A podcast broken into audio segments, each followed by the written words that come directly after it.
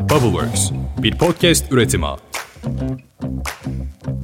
1963 yılında Türkiye'nin Derinkuyu kasabasında bir köylü evine tadilat yaptırmak ister. Tadilata Bodrum'dan başlar. Bodrum'undaki duvara bolyozla vuran adam evinde umduğundan daha fazla tadilat çıkacağından habersizdir. Çünkü duvarı kırdıktan sonra duvarın arkasında bir tünel bulur. Fakat bu tünelin sonu yok gibidir. Adam ilerledikçe çok sayıda odayı birbirine bağlayan daha fazla tünel keşfeder. Bu sakinleri tarafından terk edilmiş ve o ölümcül balyoz darbesine kadar keşfedilmemiş devasa bir yeraltı kompleksidir. 1963 yılında Derinkuyu kasabasındaki bu köylü adam dünyanın en gizemli ve büyük yeraltı şehrini işte böyle keşfeder. Herkese selam, Litopik Düşüncelere hoş geldiniz. Ben Dilara. Geçtiğimiz hafta Kayseri'deydim. Beni Instagram'dan takip edenler zaten biliyor. Eğer takip etmiyorsanız da Dilara Sengul ve Ditopik Düşünceler Instagram hesaplarından bizi takip ederseniz işte bu buralarda bahsettiğim şeylerin backgroundlarını biliyor olursunuz. Bir de tabii bizi Spotify'dan takip ederseniz Ditopik Düşünceler podcast'i yeni bölümlerden hızlıca haberdar olursunuz.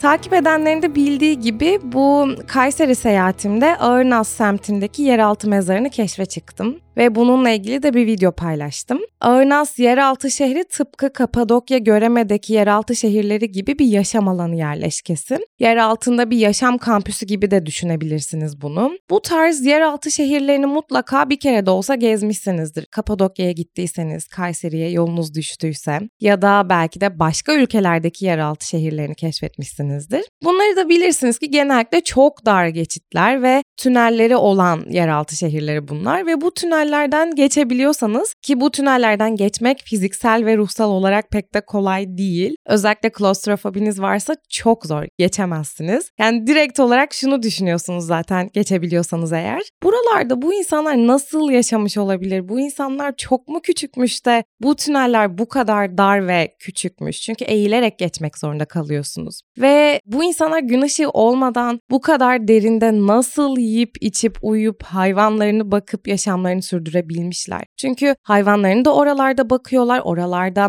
dini kompleksleri de orada, oralarda uyuyorlar, oralarda okul odaları var, eğitim görüyorlar. İşte ben de Arnas'taki bu yeraltı şehrinin inanılmaz dar tünellerinden geçerken bunları düşünüyordum ki geçenlerde okuduğum bir haberle aklımdaki bu düşünceleri birleştirebildim. Ne demek istediğimi merak ediyor olabilirsiniz. Bunu podcast'in ilerleyen dakikalarında zaten anlatacağım. Ama ipucu vermem gerekirse günümüzde de buna hiç de uzak olmayan örnekler var. Tek bir farkla Günümüzde yeraltı yaşamları bu yeraltı şehirleri kadar havalı değil. Neyse bu kadar ipucu yeter çünkü yer altında nasıl yaşanılabileceğini anlamak için önce bize miras kalan bu binlerce yıllık yeraltı şehirlerini anlamam gerektiğini düşündüm. Ve bu şehirlerdeki hayatı biraz araştırmaya başladım. Zaten biliyorsunuz Kapadokya, Kayseri çok benzer coğrafyalar ve birbirlerine de çok yakınlar. Yani 45 dakika, 1 saat gibi. Dolayısıyla bu coğrafyalarda benzer medeniyetler ve benzer medeniyetlerin de getirdiği benzer izler var. İşte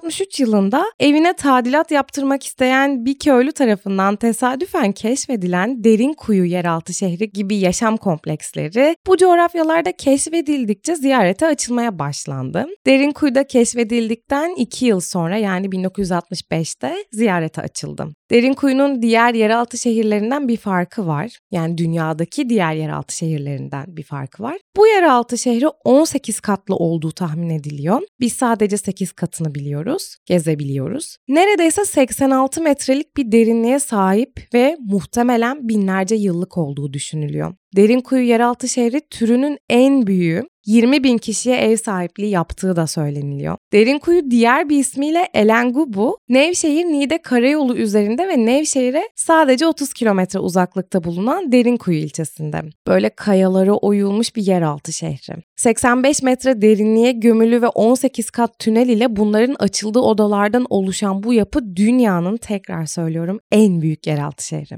Derinkuyu yeraltı şehrinin ilk misafirlerinin Asur kolonileri olduğu biliniyor. O dönemde yaşayan insanların düşman saldırılarından korunmak için bir sığınağa ihtiyaç duyması nedeniyle bu yeraltı şehirlerinin yapıldığı düşünülüyor. Sonrasında da Friklerden Perslere ve Bizans dönemi Hristiyanlarına kadar binlerce yıl boyunca hemen hemen sürekli kullanılmış. Son olarak da 1920'lerde Kurtuluş Savaşı sonrasında Kapadokyalı Rumlar mübadele ile aniden topluca Yunanistan'a gönderildiğinde ve tabi oradan da bize bu mübadele sırasında vatandaşlar geldiğinde yeraltı şehri de terk edilmiş oluyor. 1965 yılında evine tadilat yapmak isteyen yerli abimiz sağ olsun Derinkuyu yeraltı şehri 1967'de turizme açılıyor ama sadece 8 katı tabii az önce de söylediğim gibi. Bu 8 kat kalabalık bir topluluğu barındıracak kadar da büyük yani sadece 8 katı bile çok büyük. Kasıtlı olarak dar ve kısa tutulan koridorlar ziyaretçileri koridorlar ve konutlardan oluşan labirentte eğilerek ve tek sıra halinde gezinmeye zorluyor.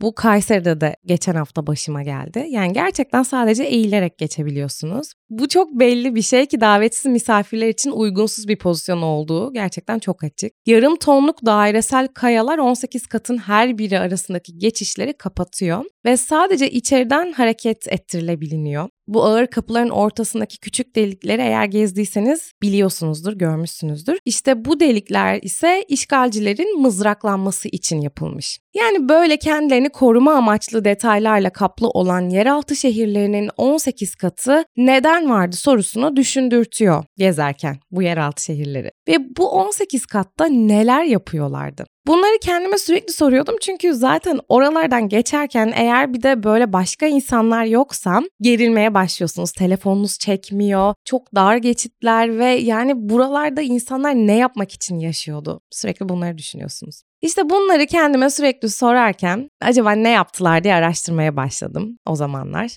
Önce ziyarete açılan bu derin kuyunun ilk 8 katından başlayalım. Birinci katında ahır ve misyoner okulu varmış. Aynı zamanda vaftishane varmış. İkinci katında oturma odası, mutfak, erzak depoları ve işte hayvanlarına baktıkları ahırları varmış. Ve bu katlar arasında da böyle tüneller var. Bu tüneller eğimli rampalar şeklinde de olabiliyor. Merdivenler de yapmışlar. Bize gösterilen kesitlerden bunları anlıyoruz. Yani tahmini canlandırma kesitlerinden onlardan da bahsedeceğim. Üçüncü katta tüm katlara inen havalandırma bacası yekpare bir şekilde devam ettiğini görüyoruz. Ve 9 kilometre uzaktaki Kaymaklı yeraltı şehrine bağlanan bir tünel bu aynı zamanda. Yani bu yeraltı şehirleri birbirlerine de bağlanabiliyorlar. Dördüncü kata geldiğimizde oturma ve yatma odaları yine tekrar erzak depoları görüyoruz. Beşinci katta da tekrar havalandırma bacası, üçüncü kattaki tünelin sonlandırılması sonlandığı sahanlık ve 5. katı 7. kata bağlayan tünelin başlangıcı falan filan bunları görüyoruz. 6. katta 5. katı 7. kata bağlayan bir başka tünel görüyoruz. 7. katta da Derinkuyu yeraltı şehrinin en geniş mekanı var. Toplantı salonu, mezar odası, kilise, salon ve su kuyusu bulunuyor. Tabi bu böyle devam ediyor ama biz sadece 7-8 katını gezebildiğimiz için bu şekilde bir kesit halinde tahmini canlandırma yapılmış. Yani yerin altına doğru metrelerce derinliğe sahip bir şehir burası rahatlıkla canlandırabilmeniz için tam 18-20 katlı bir apartmanın yerin altına doğru yapıldığını düşünün. Yani bir taraftan da milattan önce 3000'li yıllarda yapılan böyle bir teknolojiye hayran kalmamak gerçekten mümkün değil. Biz mimarlıkta yapıları kesit alırız, öyle çalışırız. Yani yapıyı tam ortadan bir pasta dilimini keser gibi kesip o pasta diliminin gördüğünüz katları üzerinde çalıştığımızı düşünün. Şimdi bu yeraltı şehrinin aynı şekilde kesitini aldığımızı düşünün. 20 katlı bir pastanın kesiti gibi bir şey yani. İşte böyle bir kesit derin kuyu yeraltı şehri içinde alınmış. Bu kesite baktığımızda farklı katların birbirlerine rampalarla, az önce söylediğim gibi tünellerle bağlandığını, odacıkların farklı büyüklüklerle tanımlanarak farklı işlevlere sahip olduğunu, 4-5 ana havalandırma boşluklarının yekpare bir şekilde zeminden yani yer üstünden yer altının en dip noktasına kadar indiğini görüyoruz. Tabi bu kesitler sadece boşlukları anlatan kesitler değil. İnsanların da eklendiği bir yaşam canlandırması da oluşturulmuş render kareleri gibi düşünebilirsiniz bu üç boyutlu kesitleri. İşte bu canlandırmaya baktığımızda gayet de yaşam olabilen sanki çok normal mekanlarmış gibi görüyoruz. Ama hala benim aklım almıyordu. Yani istedikleri kadar kadar yekpare havalandırmaları olsun, kesintisiz yaşam olsun. Ben yine de yer altında uzun süreli bir yaşamı anlamıyordum. İlk teori gördüğümüz gibi savaşlardan korunmak için ama bir başka teori daha vardı. Bu yeraltı şehirleri için. O da yeraltı şehrinin bölgenin zorlu mevsimlerinde ılıman bir sığınak görevi görmesi. Kapadokya'da kışlar çok soğuk biliyorsunuz. Kapadokya, Kayseri, İç Anadolu bölgesi. Yazlarda çok sıcak. Yerin altı da üstüne göre ortam sıcaklığı sabit ve orta düzeyde olan farklılıklar ve bonus olarak hasat ürünlerini nemden ve hırsızlardan uzak tutmak ve saklamak da tabii daha kolay bu yeraltı şehirlerinde. Ve yer altında yaşam çok güvenli gibi dursa da hala zihnimde şüpheler vardı. İşte bu yeraltı şehirlerinin içinde dolanıp binlerce yıl önceye giderken geçenlerde gördüğüm bir haber beni günümüze geri getirdi. Biliyorsunuz son yıllarda Amerika Birleşik Devletleri'nde evsiz insanların iyice arttığı, hatta toplansalar bir şehri oluşturabilecek, belki birkaç şehri oluşturabilecek kadar popülasyonda olan bir hale geldi. Hatta şöyle bir istatistik bile okudum. Amerika Birleşik Devletleri'nde ortalama bir gecede yaklaşık 553 bin kişi evsiz olarak sokaklarda bulunuyormuş. Ya da sadece sokaklarda bulunmuyorlar. Las Vegas'ın lüks otellerini ve kumarhanelerini bilirsiniz. O parlak ışıklarını ve canlı gece hayatını. İşte bu ışıltılı ve gürültülü hayatın altında karanlık bir paralel dünya var. Köstebek insanların dünyası. Tahminen 1500 ki bu sayı en az düşünülen sayı.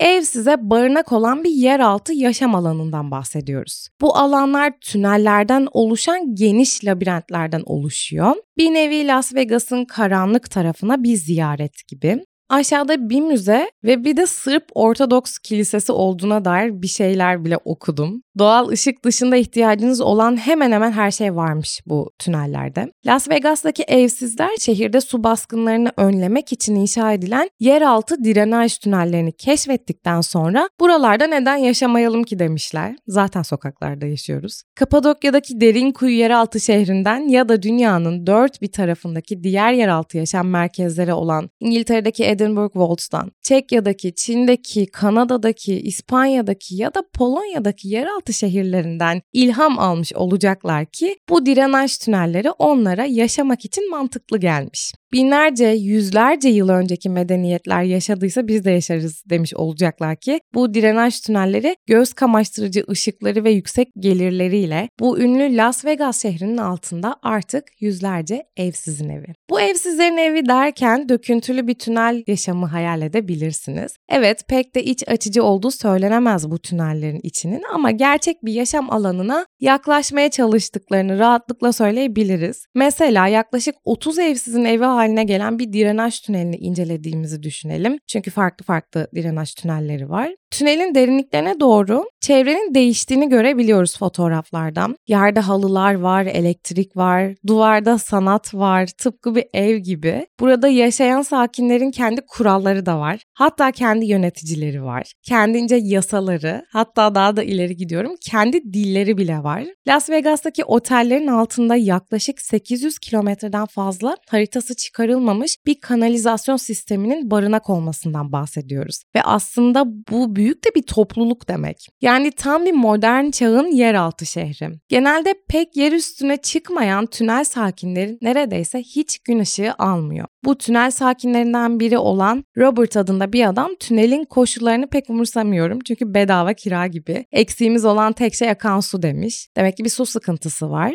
Bazen dışarı çıktığımızda güneş ışığı bile alıyoruz diyor ki bu onlar için artık çok da gereklilik haline gelmemiş ki bunu böyle söylüyor. Ve kötü kısmın tüneller değil kötü kısmın Las Vegas olduğunu söylüyor. Yer üstündeki yaşamın kötü kısım olduğunu söylüyor. Demek ki ara sıra yüzeye çıkıyorlarmış ve Las Vegas'ı beğenmiyorlarmış. Bir nevi yerin üstündense yerin altındaki yaşamın daha iyi olduğunu söylüyorlar. Gerçekten çok ilginç. Bu yeraltı köyünün bir başka sakini de şöyle söylüyor. Yemek yapmayı ve çamaşır yıkamayı tamamen ben ben yapıyorum. Biz burada bir aile gibiyiz. Bu hem iyi hem kötü bir durum. Çünkü bu sizi rahat hissettiriyor diyor. Evsiz kaldığınızda yapmak isteyeceğiniz son şey rahat olmaktır. Çünkü bu rahata alıştınız mı orada kalırsınız ve evsiz olmaya devam edersiniz. Bu kolay olandır diyor. Ve orada kalmak istemediğini ama oranın da kendisi için bir konfor alanı olduğunu söylüyor. Gerçekten çok ilginç çünkü yer altında yaşamayı bir türlü kafama oturtamayan ben bir de böyle bir haber okumuştum. Ama bir yandan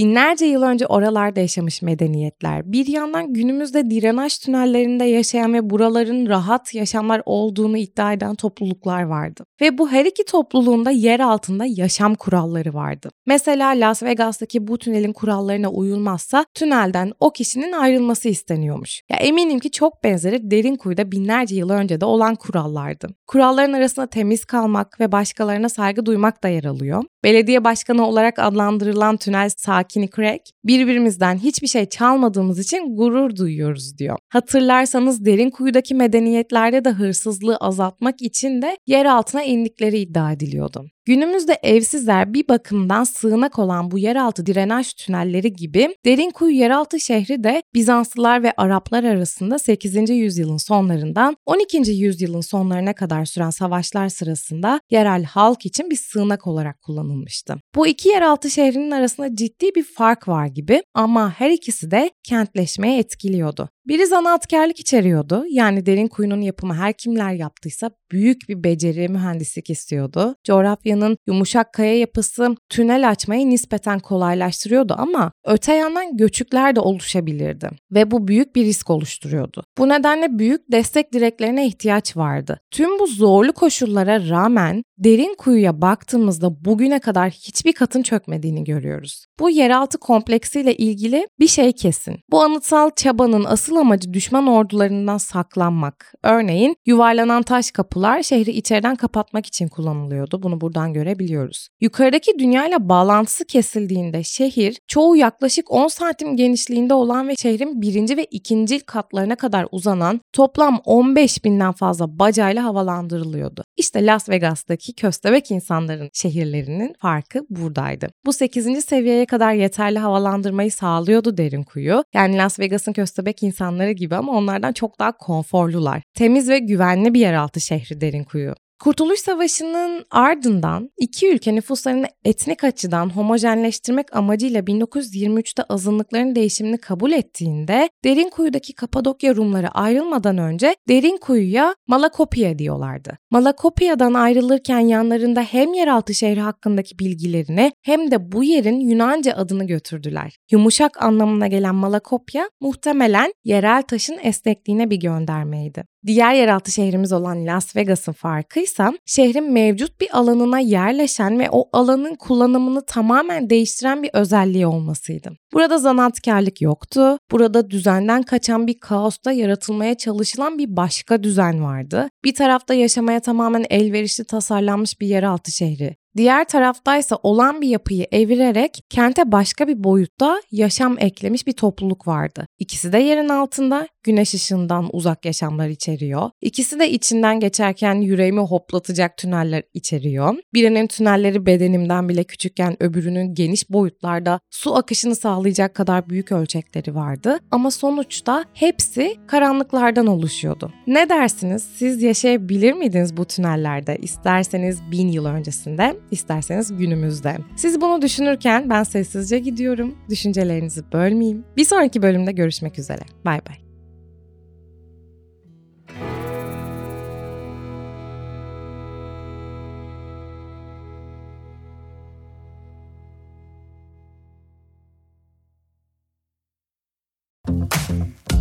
Bubbleworks bir podcast üretimi.